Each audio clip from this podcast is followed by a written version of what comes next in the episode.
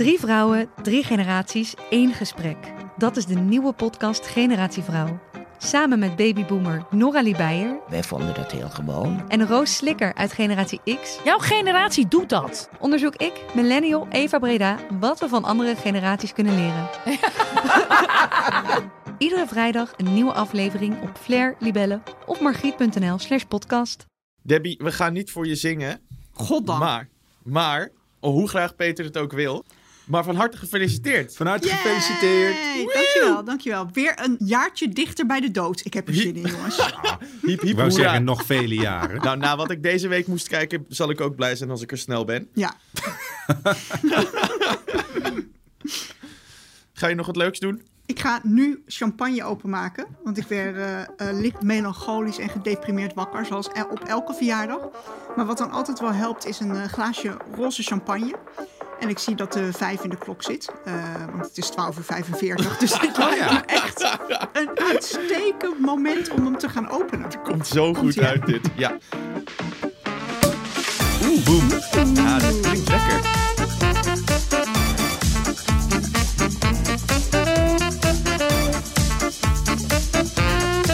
Ja, daar zijn we weer. Een kerstverse aflevering van Bankplakkers, de podcast over alles wat er te zien is vanaf jouw bank op alle streamingdiensten.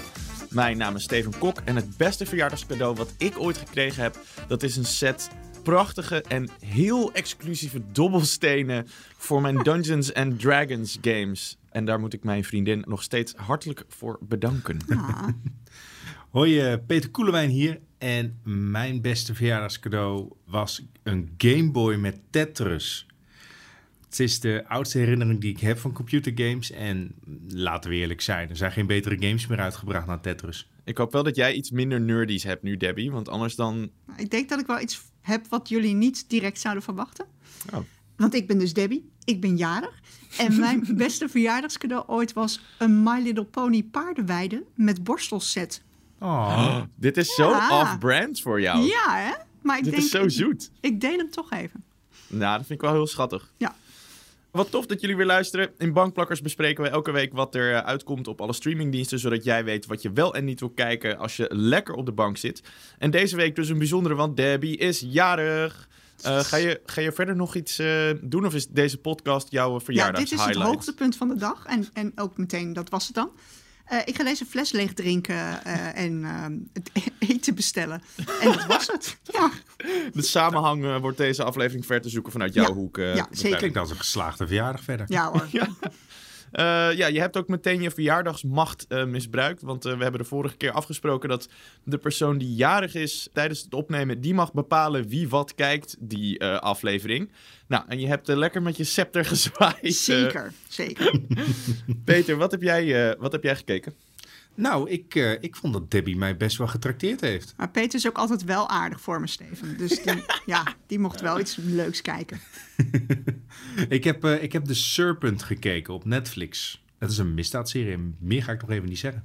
En Debbie, wat heb jij jouzelf toegekend? Nou, ik had mezelf de Netflix original film Thunder Force toebedeeld.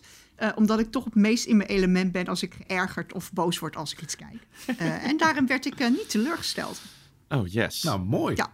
En jij, Steven, wat heb jij Nou. gekeken? Ik mocht als de speciale tractatie op Debbie's verjaardag... mocht ik de eerste aflevering van het nieuwe seizoen van X on the Beach Double Dutch kijken. Yes! Jij de Nederlandse. MTV-productie. Ja, nou, het, een grotere gunst had je natuurlijk nu niet kunnen verlenen. Het is een oude, gerenommeerde titel hoor. Ik zeg ver- ja, het is seizoen 7. Nou goed, eh, ik zeg er verder nog even helemaal, helemaal niks over.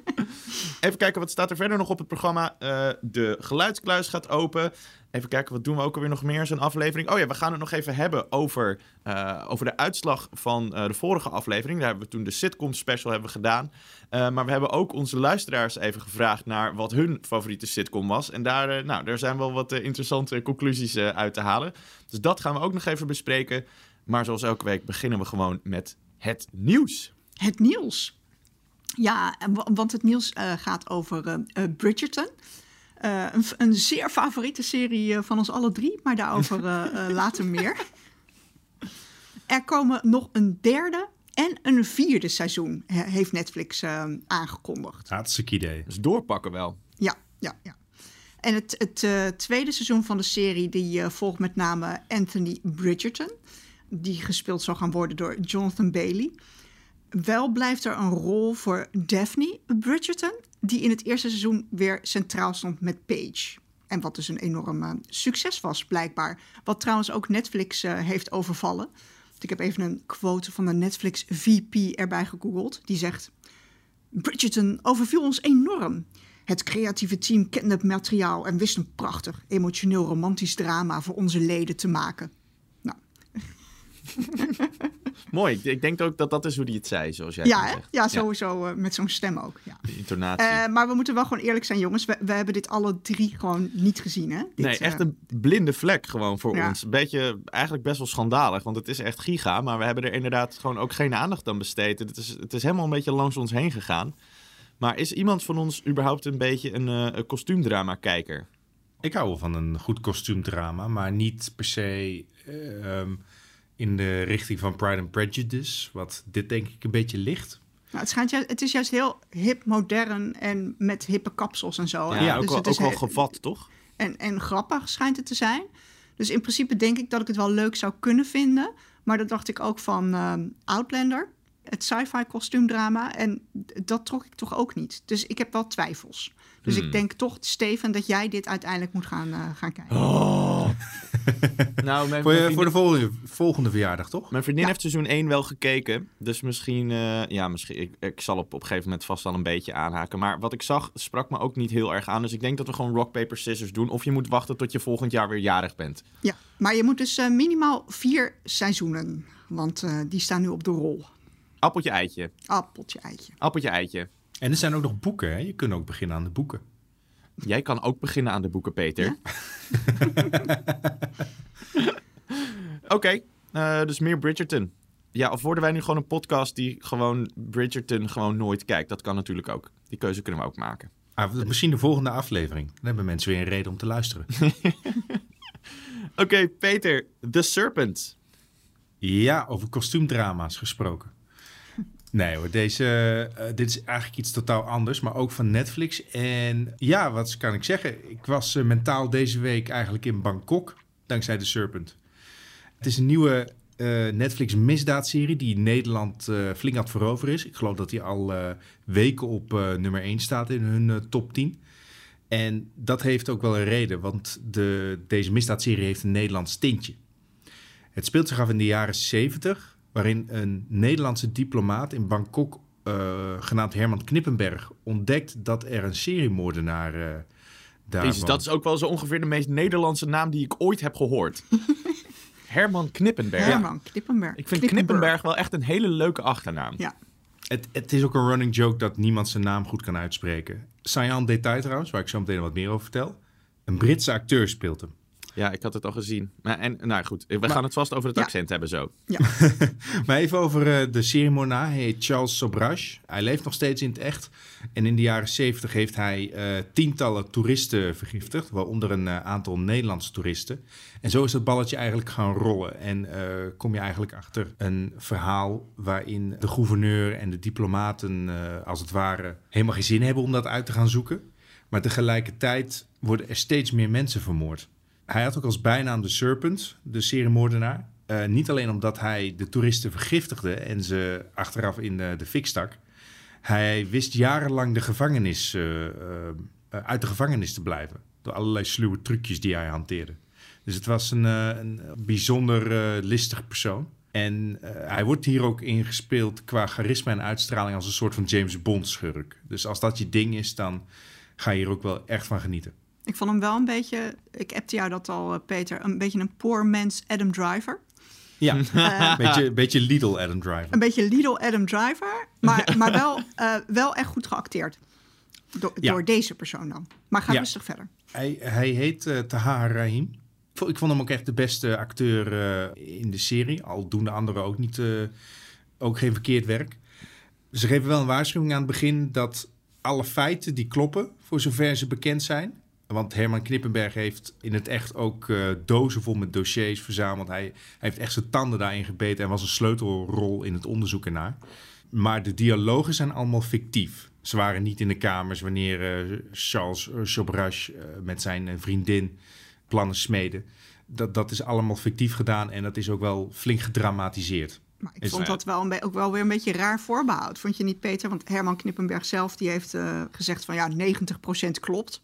Ik van nou ja, hij, hij weet dat toch. En dat, eh, ja, dat je niet letterlijk weet eh, wat er gezegd is. Ja, dat lijkt me toch alleen maar, al- Ja, dat alleen lijkt- maar logisch. Ik vond 80, 90% eh, waarheidsgetrouw vond ik echt wel, eh, echt Ja. wel heel wat eigenlijk. Plus, ik kan me voorstellen dat de gemiddelde vergadering tussen ambassadeurs en eh, ambtenaren niet heel erg boeiende televisie is. dus ik snap ook wel dat die Charles Sobrash af en toe van die monologen heeft die thuis zouden horen in James Bond. Of die Hannibal Lecter ook had kunnen zeggen. Eh, het- het- En het is een miniserie, toch? Of, of loopt het door? Ik zou zeggen acht afleveringen hè, Ja. is het. Oh ja, oké. Wat ik me een beetje afvraag is waar ik het mee kan vergelijken.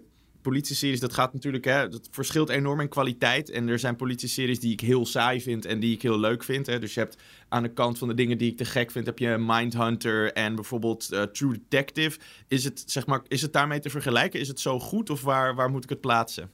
Ik zou het een treetje lager plaatsen dan True Detective en Mindhunters. Zij waren echt premium televisieseries en dit voelt toch net even ietsje, ietsje lager.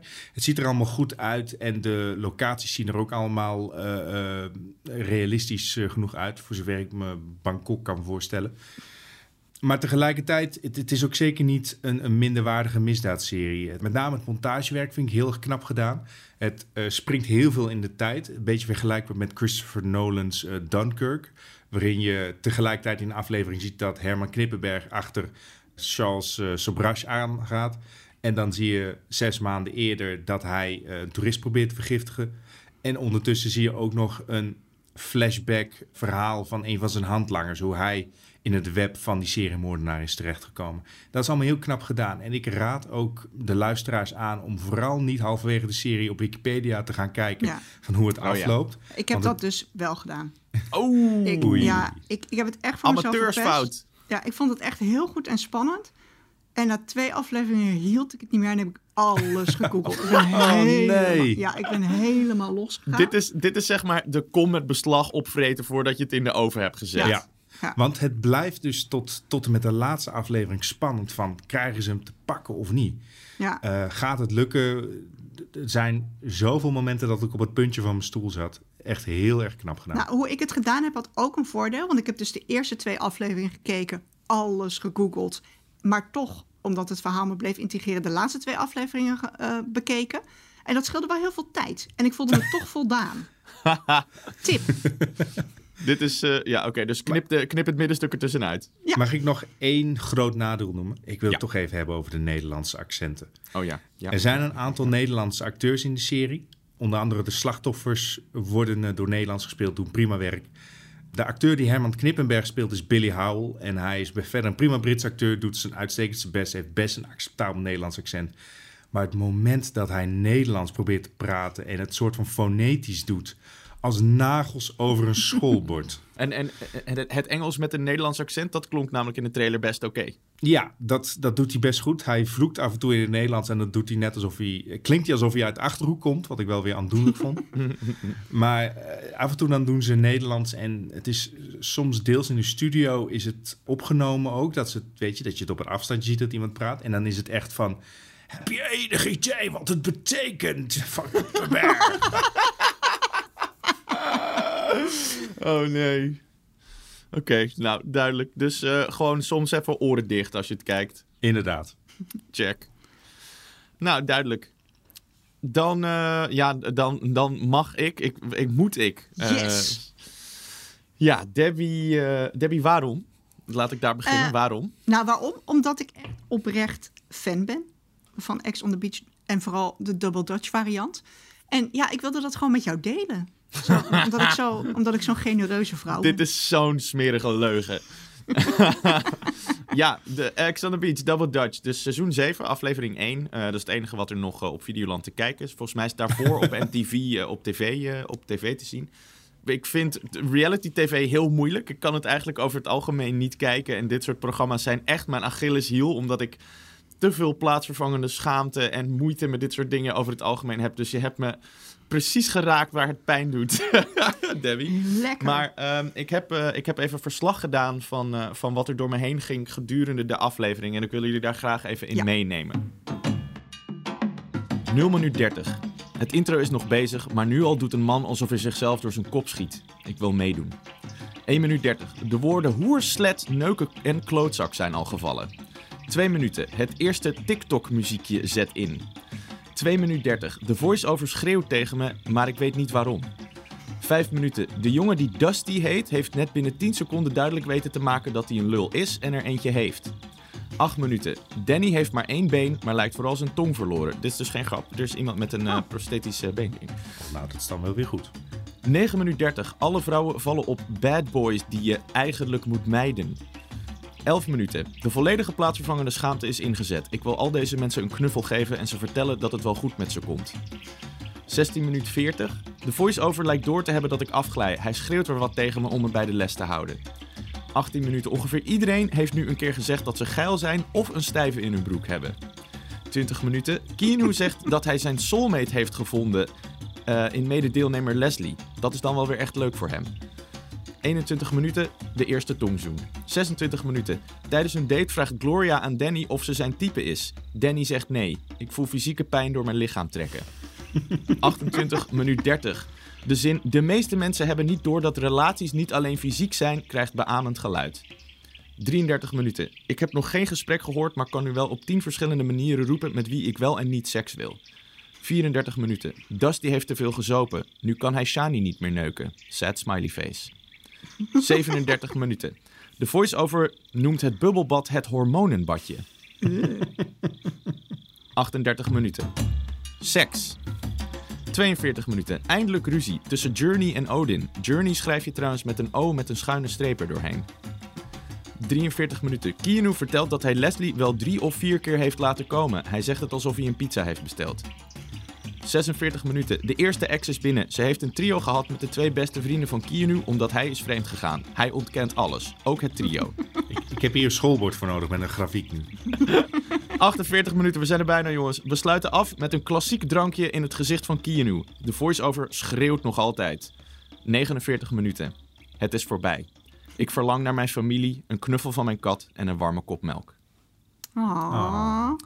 Ik, vind, ik vind het wel grappig, Steven, dat jij het eigenlijk precies hetzelfde kijkt als ik, maar er dan niet van kan genieten. Want ik kijk, ik kijk dit ook als een soort antropologische studie hè, van de mens zoals de natuur hem bedoeld heeft. Want in feite kijken we gewoon, ja, in, in feite kijken we gewoon naar oermensen die pronken met hun schoonheid, eh, die dan vaak niet heel oer is, maar dat, hè, dat mag mijn pret niet drukken. Het is gewoon een soort apenrots met vechtpartijen, bondjesvorming, om uiteindelijk dat ene doel te verwezenlijken, eh, het vinden van een voortplantingspartner, en bovenaan de apenrots van de roem te belanden. Ja, en ik zie niet hoe dat verschilt van eh, iets eh, eh, moois van de BBC eh, met commentaar van David eh, Attenborough. Alleen Nou, scheelt hij misschien wat minder. ik krijg dus ook van heel veel van mijn vrienden kreeg ik, kreeg ik berichten van eindelijk ga je het kijken. Want zeg maar, ik heb heel veel vrienden die van, die van reality tv houden en die, die daar dan ook uitgebreid over hebben. En ik kan, ik kan er gewoon heel slecht tegen. Maar wat ik wel moet zeggen, wat ik wel interessant vond. Of wat ik interessant vind aan specifiek Ex on the Beach. Als je het bijvoorbeeld vergelijkt met Temptation Island. Ex on the Beach heeft geen premisse. Of geen doel. Er zit geen spelelement in. Het is alleen maar. Ze zijn op een eiland. Ze gaan zuipen. Er komen exen langs. Ze gaan op dates. Alles wordt kut. Iedereen gaat vechten. Of ze gaan neuken. En dat is het, eh, dat is het, dat is het einde. Maar wat daar wel verfrissend aan is. Is dat het eigenlijk ook tegen jou als kijker zegt van. Doe nou maar niet alsof je dit om een andere reden kijkt. Je weet heus wel waarom je dit kijkt. En geef het nou maar lekker aan jezelf toe. Wij gaan er ook niet omheen draaien namelijk. Dit is wat het is. En bij seizoen 7 hoef je je ook niet meer lullig te voelen over het feit dat mensen misschien niet weten waar ze aan toe zijn. Of dat ze, hè, dat ze, dat ze niet weten waarom ze meedoen. Of dat ze niet weten wat dat inhoudt. Is seizoen 7. Iedereen weet precies waarom ze daar zijn. Die mensen die er meedoen, die willen gewoon bekend worden. De mensen die het kijken, willen aapjes kijken. En inmiddels, de mensen die daar aan meedoen, weten ook... Die zeggen letterlijk, ik kom hier voor de drama. Die komen gewoon omdat ze weten dat dat werkt op tv, weet je. Steven, Dus- Steven, hoor ik nou bewondering voor Ex Nou, Beach? ja. Je bewondert de puurheid. gewoon. Ja, het, het- dat is het wel. Het is heel puur, zeg maar. Het doet niet alsof het iets anders is. Het is gewoon, het is gewoon goor en dat weet het ook. En dat, dat vind ik er, dat kan ik er echt wel aan respecteren ook weer of zo. Mooi. Ik, dat- ik heb het ja. serieus nog nooit een aflevering van Ex on the Beach gekeken. Maar ik zal wel eerlijk toegeven, want ik weet dat het populair is in Engeland ook. Als ze David Attenborough zover krijgen dat hij een seizoen gaat inspreken, dan ga ik kijken ook. Dat zou echt alles zijn. Hé, maar Steven, ik vond wel dat je al behoorlijk wat spoilers weggaf. Dat, eh, dat is niet eigenlijk wat we in deze show doen. Oh ja. Maar in aflevering 1 is dus al seks. Want dat Ja. is niet altijd het geval. Ah, wel, dat maar tussen, wel maar tussen één stel. En die zijn dan heel verbaasd dat de rest niet al geneukt heeft. Een magere score dus. Ja. Ja. Nou, eh, meer dan dit hoef ik er denk ik ook niet eh, over te zeggen. Ik, eh, Ik wil wel nog vragen, ga jij verder kijken? Nee, nee, Nee? dat niet. Nee, nee, daarvoor... eh, Nee, het was wel... Ik, ik moest er echt mezelf er doorheen zetten. Debbie, Ehm, hij gaat absoluut verder kijken. Ja. Vertrouw me. het hangt er gewoon even vanaf hoe vaak jij jarig bent per jaar, denk ik. Ja, oké. Dan voeren we dat eh, tempo gewoon een beetje op. Ja, Debbie, jij mag. Lekker. Nou, ik, eh, eh, ik heb dus Thunder Force gekeken. Eh, de grote Netflix original film met eh, de hoofdrollen voor Melissa McCarthy en Octavia. Octavia? Octavia? Octavia. denk ik. Octavia? Geloof ik. Spencer. Ja. Eh, dit speelt zich af in een parallel universum... waarin de Verenigde Staten bedreigd wordt door schu- superschurken die miscreants heten. Superschurken. Ja, en we hebben werkelijk geen idee waar ze vandaan komen, eh, waarom ze zo boos zijn. eh, en, en dat doet er ook eigenlijk eh, niet zo toe. En Melissa McCarthy, die speelt Lydia, een loser met een groot hart uit Chicago. En op de middelbare school beschermt zij nerd Emily. En dat is dan haar ook in real life vriendin Octavia Spencer. En die worden dus vrienden. Uiteindelijk vervreemden ze van elkaar. Eh, Lydia wordt een alcoholistische minimumloonarbeider. Oh, en nee. Octavia wordt een tech-ziljonair. Zoals dat, dan, zoals dat gaat in het leven. Ja. De tech-ziljonair die doet eh, met genetische manipulatie experimenten om van mensen superhelden te maken. Oh, zoals ja. dat gaat in het Ja, dat zou ik... Als ik moet zeggen, als ik een ziljonair was, dan was dat ook wel project 1. Precies. Nou, en Lydia besluit om haar eh, oude vriendin op te gaan halen voor een high school reunion. Na jaren dat ze elkaar niet gezien hebben. En jawel, per ongeluk ze in de behandelstoel op dat moment. En het superserum wordt haar toegediend. Had geen radioactieve spin. Nee, nee, Oh, nee. die waren nee, op. Nee, nee. Nou, het lijkt trouwens wel een beetje op een, eh, op een spin. Maar goed, dat moet je zelf maar gaan bekijken. nou, eh, Emily, eh, dus de vriendin, die behandelt zichzelf ook. En tada! Nou, daar zul je het Thunder Force team hebben. Oh yeah. Nou, de regisseur eh, Ben Falcone, die is dus getrouwd met Melissa McCarthy. En eh, ze vinden het al lange tijd heel fijn en vertrouwd om zelf eh, om samen films te maken. En Octavia Spencer is dus weer een goede vriendin van Melissa.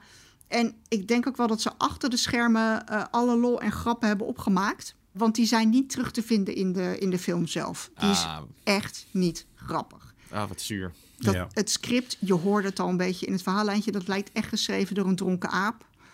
Eh, ja, dus niet te doen. Alle grappen slaan dood. Het, het is gewoon nooit grappig. Nou, nee, wel één uitzondering voor eh, Jason Bateman. Die speelt The Crab. Dat is een van de, van de miscreants. En daar heb ik wel oprecht een tikje om moeten gniffelen. Hij is dus een van die schurken. En hij heeft krabarmen. Ja, dat moet je gewoon zien. want Dat, dat zijn best wel lelijke rubberen eh, krabarmen. En dat is dus lollig. En dat is zeker lollig als hij in een restaurant eh, de zeevruchtenschotel eh, geadviseerd krijgt. Maar, eh, maar even zodat ik het goed begrijp. Het is dus echt een comedyfilm. Het is niet zeg maar een superheldenfilm met een comedyrandje. Het is echt een comedyfilm met superhelden als, als de premisse. Ja, zeg en, maar. en dat maakt het een beetje moeilijk, want het is net geen persiflage. Dat, dat is het dan ook weer niet. Het is echt een comedy waarin toevallig superhelden zitten. En het, het werkt niet. Het, het slaat, Jammer. echt, het slaat Ja. echt net zo dood als mijn eh, gla- glaasje roze champagne hier. Ik, ik denk ook van dat, ja, dat je snel klaar bent als een, als een comedyfilm niet grappig is. Dan ja, kun je hem gewoon niet we aanbevelen. kunnen er inmiddels alles. We weten er alles van eh, sinds eh, onze aflevering van vorige week. ja. En de crap, hè, daar zou je nog even voor, daar zou je het nog voor kunnen proberen. Maar verder dus geen aanrader gewoon. Geen aanrader.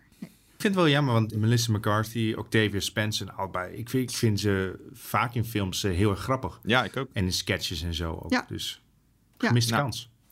Ik denk echt dat ze, eh, dat ze heel veel lol achter de schermen hebben gehad. Want ja, je, je ziet ook wel dat, dat er chemie is en dat het gezellig is. Eh, maar de uitgeschreven grappen, die, die werken gewoon niet. Dus ik zou hun een, eh, een goede scriptschrijver eh, om te beginnen adviseren. Ja. Horen jullie dat? Hollywood bozo's? Oké, we gaan door. Ja. Ja, we waren er vorige week natuurlijk niet om het te hebben over de andere releases, omdat we vol in de sitcom zaten. Dus uh, deze keer even ietsje meer releases die we moeten bespreken. Op uh, Netflix, 22 april, komt daar de film Stowaway uit. Uh, met Anna Kendrick, Tony Collette en Daniel Day Kim. Op zich, eigenlijk klinkt het als een hele flauwe premisse, maar volgens mij wordt het, of het ziet er echt best wel spannend uit. Het gaat over een technicus die per ongeluk aan boord blijft van een ruimteschip dat naar Mars vliegt. Als het opstijgt, ja, het klinkt heel slapstick, maar... Per ongeluk, ja. ja. Was dat niet het plot van de Mars? Volgens mij gaat die KO. Uh, en dan, dan vertrekt dat schip. En dan zit hij nog in een of ander luik of zo. Waar hij iets aan het op waar het repareren was. En het, het heeft een beetje gravity. Uh, daar, daar, dat gevoel heeft het geloof ik een klein beetje. Het is een beetje zo claustrofobisch. Alles speelt zich af van dat schip. En dan blijkt het natuurlijk dat er maar middelen zijn voor de, voor de drie astronauten die aan boord zitten. En niet voor hem. En nou ja, vanuit daar ontvouwt zich het drama. Ik wil dit heel graag zien. Het, ik vond het er echt wel, uh, wel tof uitzien. Hmm. Dan uh, een dag later, 23 april, komt er een uh, Britse fantasy-serie op Netflix. Shadow and Bone heet het, gebaseerd op een, oh, op een ja. grote ja. boekenserie.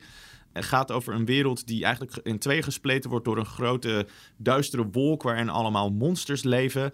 En het hoofdpersonage is een jonge soldaat die erachter komt dat ze magische krachten heeft. En die gaat dan in de leer om die magie onder controle te krijgen ik vond het er op zich best wel tof uitzien. Maar ik vind dat met dit soort series altijd heel moeilijk om van een afstandje te zeggen of het iets wordt.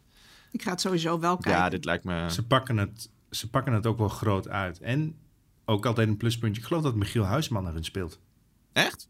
Ik dacht van niet. Maar misschien wel. Nee? Misschien klets ik uit mijn nek hoor. Nou, dat zullen we nog, nog wel eens zien. uh... Na IMDb, nu gelijk. ja, zoek het op.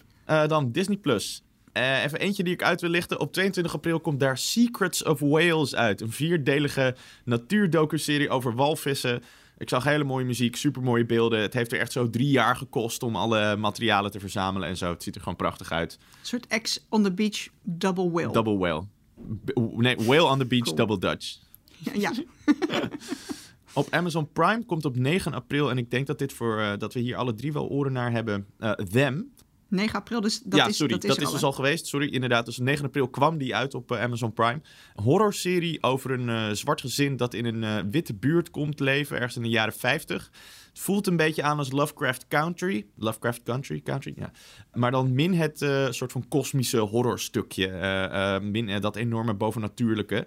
Maar het is wel, ik denk dat het helemaal in dat straatje is. En als je films als Us en, um, en Get Out en zo tof vond, dan denk en, en de Lovecraft Country, dan kun je dit denk ik uh, zonder blikken of blozen kijken. De recensies zijn ook uh, goed, eerste reacties. Dus uh, het ziet er erg spannend uit. Hmm. Leuk. Even disclaimer tussendoor. Um, of klein correctie, Michiel Huisman zit niet in Shadow and Bone. Jezus Peter. Ik ben gewoon een idioot. Waarom zit je nog in deze podcast eigenlijk? Ja, ongelooflijk. Te doen. Grapje, kusje. Oké, okay, 9 april op Videoland OnlyFans Uncovered over het wereldje van OnlyFans. Dus online platform waar mensen intieme content kunnen delen met hun fans. En uh, die docu, die docu... Of is het een docu-serie of docu? Peter, IMDb. Na IMDb. die uh, volgt dus een paar van die only, uh, OnlyFans contentmakers.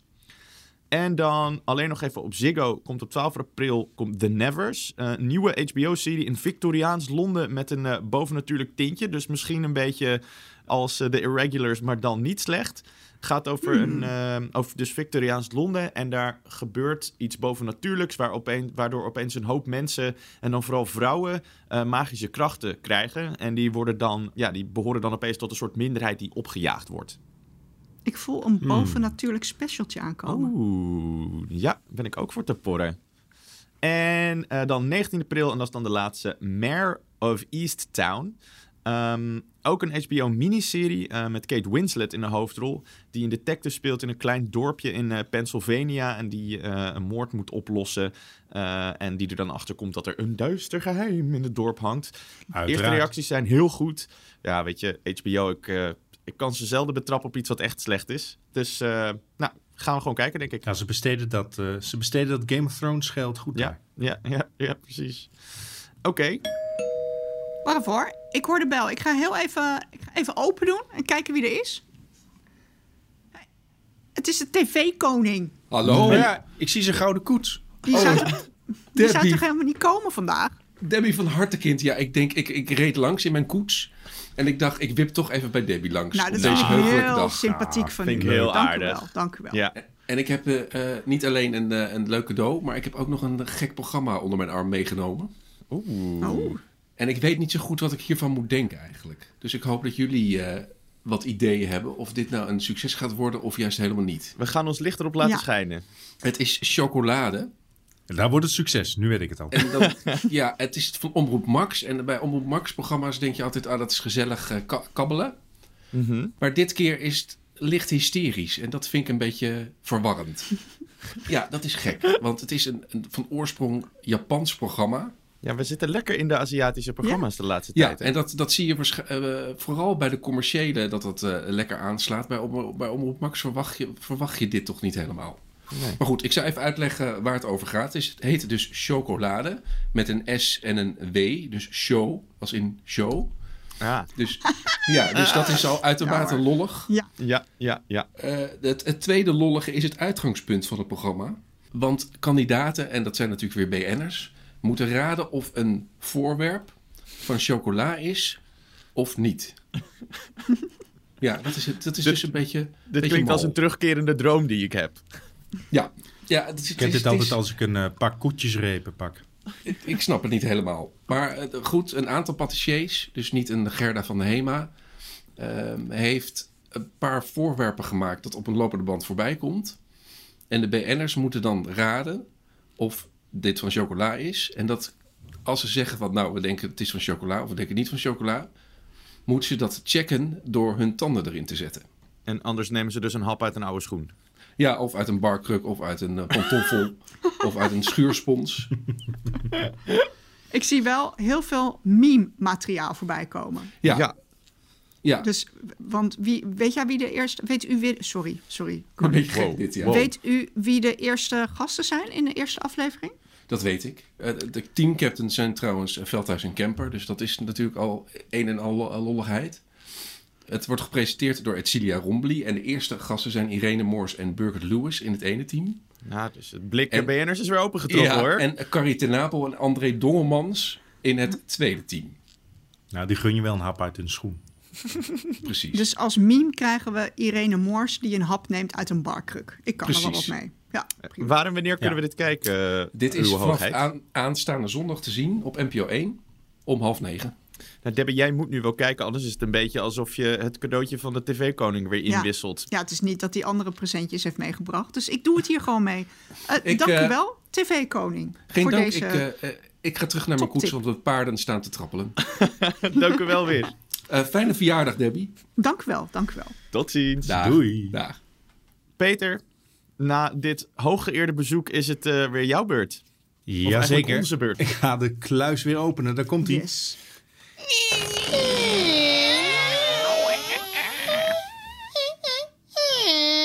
Wow. Oké, wow. is genoeg nu.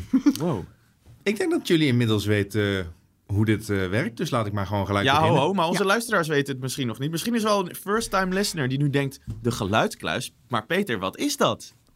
Nou, beste luisteraar. Ten eerste, wat fijn dat je er bent. En fijn dat je bij de veertiende aflevering bent begonnen.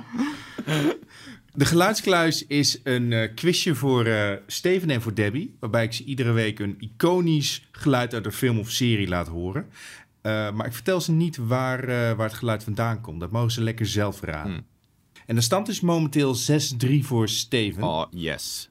Eens kijken of we dat wat meer gelijk kunnen trekken. Laat me horen. Daar komt hij.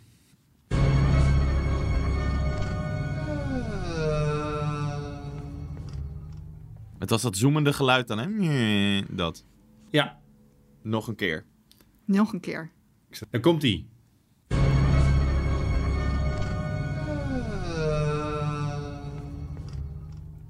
Hmm. Klinkt een beetje als een sneuwe alien. Ja, ja.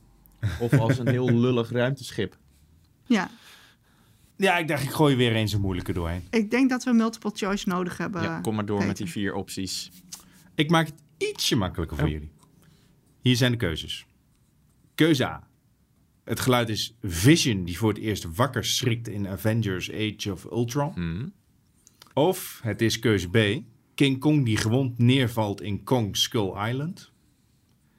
Maar het kan ook C zijn. Harry's maag vlak voor hij explosieve diarree krijgt in Dumb and Dumber. Of het is eh, D. De van geluk zuchtende deuren in The Hitchhiker's Guide to the Galaxy. Het is D. Ik ga voor B. Voor B ga jij, Debbie? Ja, King Kong, die gewond neervalt. ja. En Steven, jij gaat voor de eh, van geluk zuchtende deuren in Het zijn- Hitchhiker's het zijn, Guide het to the zijn de Galaxy. deuren. Nou ja, ik kan het, eh, ik kan het gaan uitrekken, maar ja, je hebt gewoon gelijk. Steven, het is D. Ik vind het gewoon wel vervelend dat jullie de hele tijd al afspreken van dat het een geluid moet zijn wat Steven kent. En dat jullie dat dan Dit is zo gelul. echt gaan uitkiezen. Dat vind ik gewoon flauw. En zeker op mijn verjaardag vind ik dat gewoon Ja. eigenlijk heel oneerlijk. Ik snap je frustratie, Debbie, Ja, maar ik wou nog even... leuk. Ik wou dit moment nog eventjes een shout-out doen naar onze collega Romy, die deze tip naar mij doorstuurde. En eh, ze gaf ook nog als een advies van, nou, misschien kan dit wel het nieuwe geluid van de geluidskluis worden wanneer we de deur openen. Oh. Ah. Nou, ik moet hier wel even bij zeggen, en dit, dit konden jullie niet weten. Ik ben toevallig nu het hoorspel, het originele BBC-hoorspel van The Hitchhiker's Guide to the Galaxy aan het luisteren. Maar wie natuurlijk Oh, wel wist, wat? was Peter. Nou, maar, Ja. maar daar klinken deze deuren heel anders. Dus het is niet, niet te Oh. vergelijken. Ja, Hm. deze komt uit de eh, Disney-versie van eh Hitchhiker's Guide. Ik kon trouwens niet vinden wie de stemacteur hierachter was. Ik vond hem zelf wel een beetje klinken als eh, eh, Paul Bettany, die Vision speelt. Vandaar Oh, dat ik die er lekker even doorheen gooide. Ik kan wel vertellen dat het idee uit het gelijknamige boek ook komt. De schrijver dacht zo van in de toekomst heb je deuren die zo intelligent zijn dat ze automatisch open kunnen gaan. En die AI wordt daar gewoon heel gelukkig van. Dus krijg je Oh. automatisch opene deuren die van geluk zuchten. Dat vind ik wel erg gezellig. Oh, mooi. Ja. Ja, En je, Maar wel stom. dus nu is het, ze- nu is het 7-3. Debbie, voel je, voel je de onvermijd, het onvermijdelijke punt aankomen dat jij Ik voel me gewoon... eh, ik ben op zoek naar het juiste woord. Niet jarig... Ik weet niet. On- onverschillig bijna. ja? Ja, ik heb gewoon niet meer het gevoel dat ik dit, eh, dat ik dit ooit ga redden. Maar goed. het kan nog. We moeten, we moeten gewoon door. Nou, we, we hebben het er dus even over gehad, eh, ook met z'n drieën. Hè? We hebben dus besloten dat degene die als eerste 10 punten heeft, ergo deze man, dat die de volgende Nou, nou, special nou, nou, mag nou. kiezen. Wat Gooi, wat gooi jij? Oh, dat is die Kirk. En nou met, Ik gooi de, cha- ik gooi de champagnekurk naar je hoofd nu, Steven. Ehm, dus dan, ja, die mag dan de volgende special eh, bepalen. Dus, nou ja, nadat, nadat jij mij eh, dit hebt laten kijken, ga ik natuurlijk dan wel iets bedenken wat verschrikkelijk is. Leuk. Ja. Tien beste films van Jennifer Aniston. Ik heb er echt super veel zin Wie is jouw minst favoriete acteur, eh, Debbie? Daar ga ik nu niks over nou. zeggen. dat was toch Adam Driver? Ja. nou, daar heb je. Nou, maar misschien helpt dit nog als extra motivatie. Stel je voor, dat, Ja. stel je voor Nee, Debbie, een geef- Ex on the Beach special. Ik geef nooit op, Peter. Dat niet. Maar dit wordt wel, laten we wel zijn, het wordt wel lastig. Lekker. Ik voel me goed. Ik voel me nu ook gewoon een beetje jarig hierdoor. Ik heb, een- ik heb het gevoel dat ik een stukje van jouw Echt? jarigheid heb afgepakt. En nu Dat mijn ja. verkneukelde hoofd van jou altijd, dat, dat is nog wel het allerergste aan dit, on, aan dit onderdeel Mijn lievelingsonderdeel van deze podcast. Hm. Wist je dat wij een tijdje geleden een, een e-mail... Nee, dat weten jullie. We hebben een e-mail gekregen van een eh, heuse eh, psycholoog... eh, die, eh, die ons een mailtje stuurde dat hij ons erg leuk vond. En dat hij zei dat hij het gekibbel tussen ons erg, erg grappig vond. En toen dacht ik, denk je dat deze man een soort, ons onder een soort klinische lens heeft gelegd... en ons helemaal aan het uitpluizen is? En dat hij daarom grappig vindt, omdat we eigenlijk fucked up mensen zijn? Nee. Nou, door naar het volgende. Mm, hij, zou, hij zou niet de eerste psycholoog zijn die mij onder de lens legt. Hm. Maar dat is een verhaal Voor de volgende aflevering. Eh, de bankzaken. Waarin we horen ho- hoe Peter eigenlijk een psychopaat is. Maar dat, dat, wist, dat, dat, was, Ik, dat was langzaam wel Dat duidelijk. was jou al Ja, dat duidelijk? was langzaam heb ik al gezegd dat ik de Serpent heel erg leuk vond. echt heel leuk. Heel leerzaam. ja. De bankzaak van de week. Ehm, vorige week hadden we natuurlijk de sitcom special. Zoals ik nu al 400 keer heb gezegd deze aflevering. Maar we hebben daarna ook de luisteraars even gevraagd... hoe eh, zij eh, de, de verschillende wedstrijdjes die we hadden uitgezet... hoe zij die zouden uitspelen. En dat was eh, eigenlijk heel spannend. Dus om nog even op terug te komen. Wij hadden Friends versus How I Met Your Mother won How I Met Your Mother. Toen The Good Place versus Community won Community. Parks and Recreation tegen Modern Family won Parks and Recreation. Seinfeld versus The Office, dat won The Office. Toen werd het dus How I Met Your Mother versus Community. Dus de winnaars van de eerste twee, daar won Community. Parks and Recreation versus The Office werd Parks and Recreation. En onze uiteindelijke winnaar was toen Community. Bij de luisteraars ging dat wat anders. Friends versus How I Met Your Mother, dat won Friends met 68 eh, procent. Dat is op zich wel een, eh, een duidelijke winst. Eh, The Good Place versus Community werd door Community gewonnen eh, met 70 procent. Alright. Eh, dus hè, daarin eh, staat het dan toch nog wel goed. Parks and Recreation versus Modern Family. Dat won Modern Family, maar echt net met 52 procent. Dat is echt een randje. En Seinfeld versus The Office. Dat was echt een overduidelijke winst voor The Office, want die won met 82 procent. En toen kwamen we op Friends versus Community. Ja jongens, dus eh, eh, jullie wilden Friends er al erg vroeg uit hebben. Eh, maar misschien begin hem langzaam al... voel je hem al langzaam aankomen. Ja, Friends versus Community werd gewonnen door Friends met 53 procent. Oeh, Ja, op het randje. Wat ik wel interessant vond, want 90% zo ongeveer van de aanmeldingen in eerste instantie van hè, dit is de beste eh, sitcom wa- was Friends. Maar toen ze uiteindelijk tegen elkaar afgezet werden, toen was het kennelijk voor de luisteraars toch ook wel een pittige, pittige keuze. Toen The Office versus Modern Family, dat werd precies 50-50. Toen hebben we uiteindelijk Modern Family laten winnen, omdat ik twee keer op The Office heb gestemd. Vanuit twee verschillende accounts. Wauw. Het is echt slecht. Wat een minachting voor democratie. Ja, Eh, dus ik denk niet dat, ja. dat ons publiek überhaupt nog wil meestemmen is het is, eh, het is een schande. Maar dus eh, eh, Modern Family heeft gewonnen. En eh, ja, toen eh, Friends versus Modern Family met uiteindelijk Friends als eh, de definitieve winnaar die met 55% het won van Modern Family. Jongens, hoe, hoe Ja. voelen jullie je hierbij? Eh, hoe, hoe, hoe, hoe smaakt dit bolletje vanille-ijs, Peter? Ik, ik wou net de grap maken. Ja, blijkbaar houden mensen gewoon het meest van vanille-ijs. Ja. Er is een reden dat hij het meest verkocht wordt van alle smaken natuurlijk. het, het blijft ijs. Dus ja, ik- oké, weet je.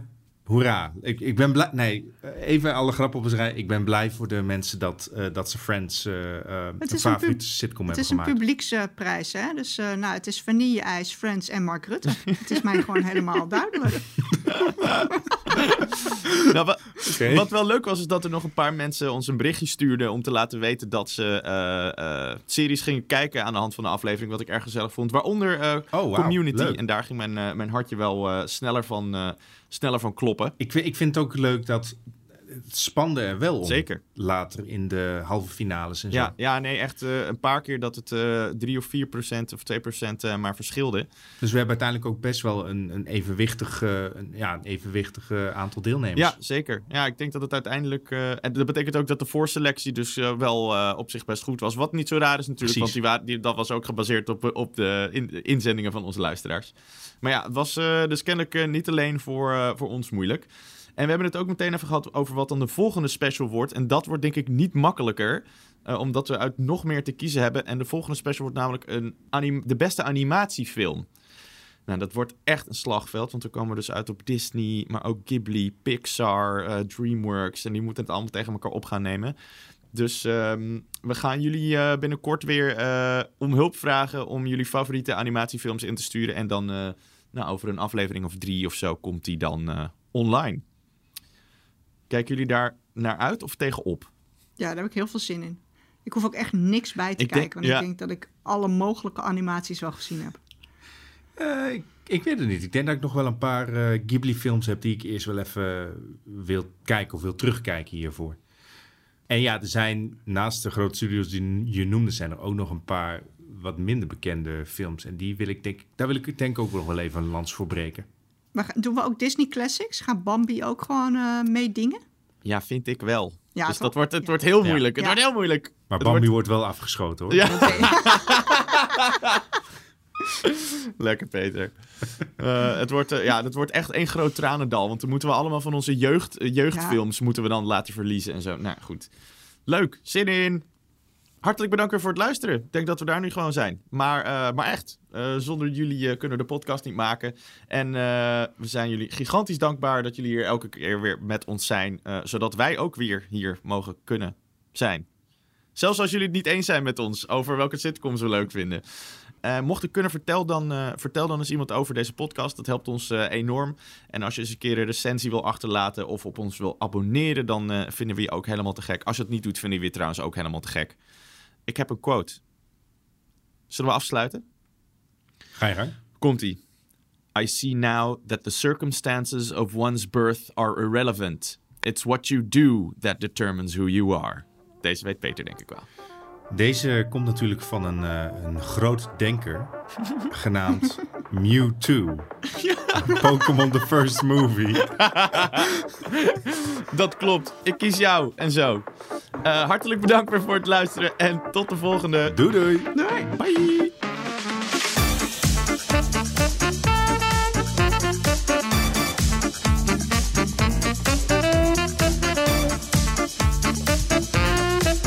Bankplakkers is een originele podcast van Veronica Superguide. Mijn naam is Steven Kok en mijn gasten zijn elke week Debbie Nobel en Peter Koelewijn. En onze editing wordt gedaan door Art Kok. Bedankt voor het luisteren en tot de volgende!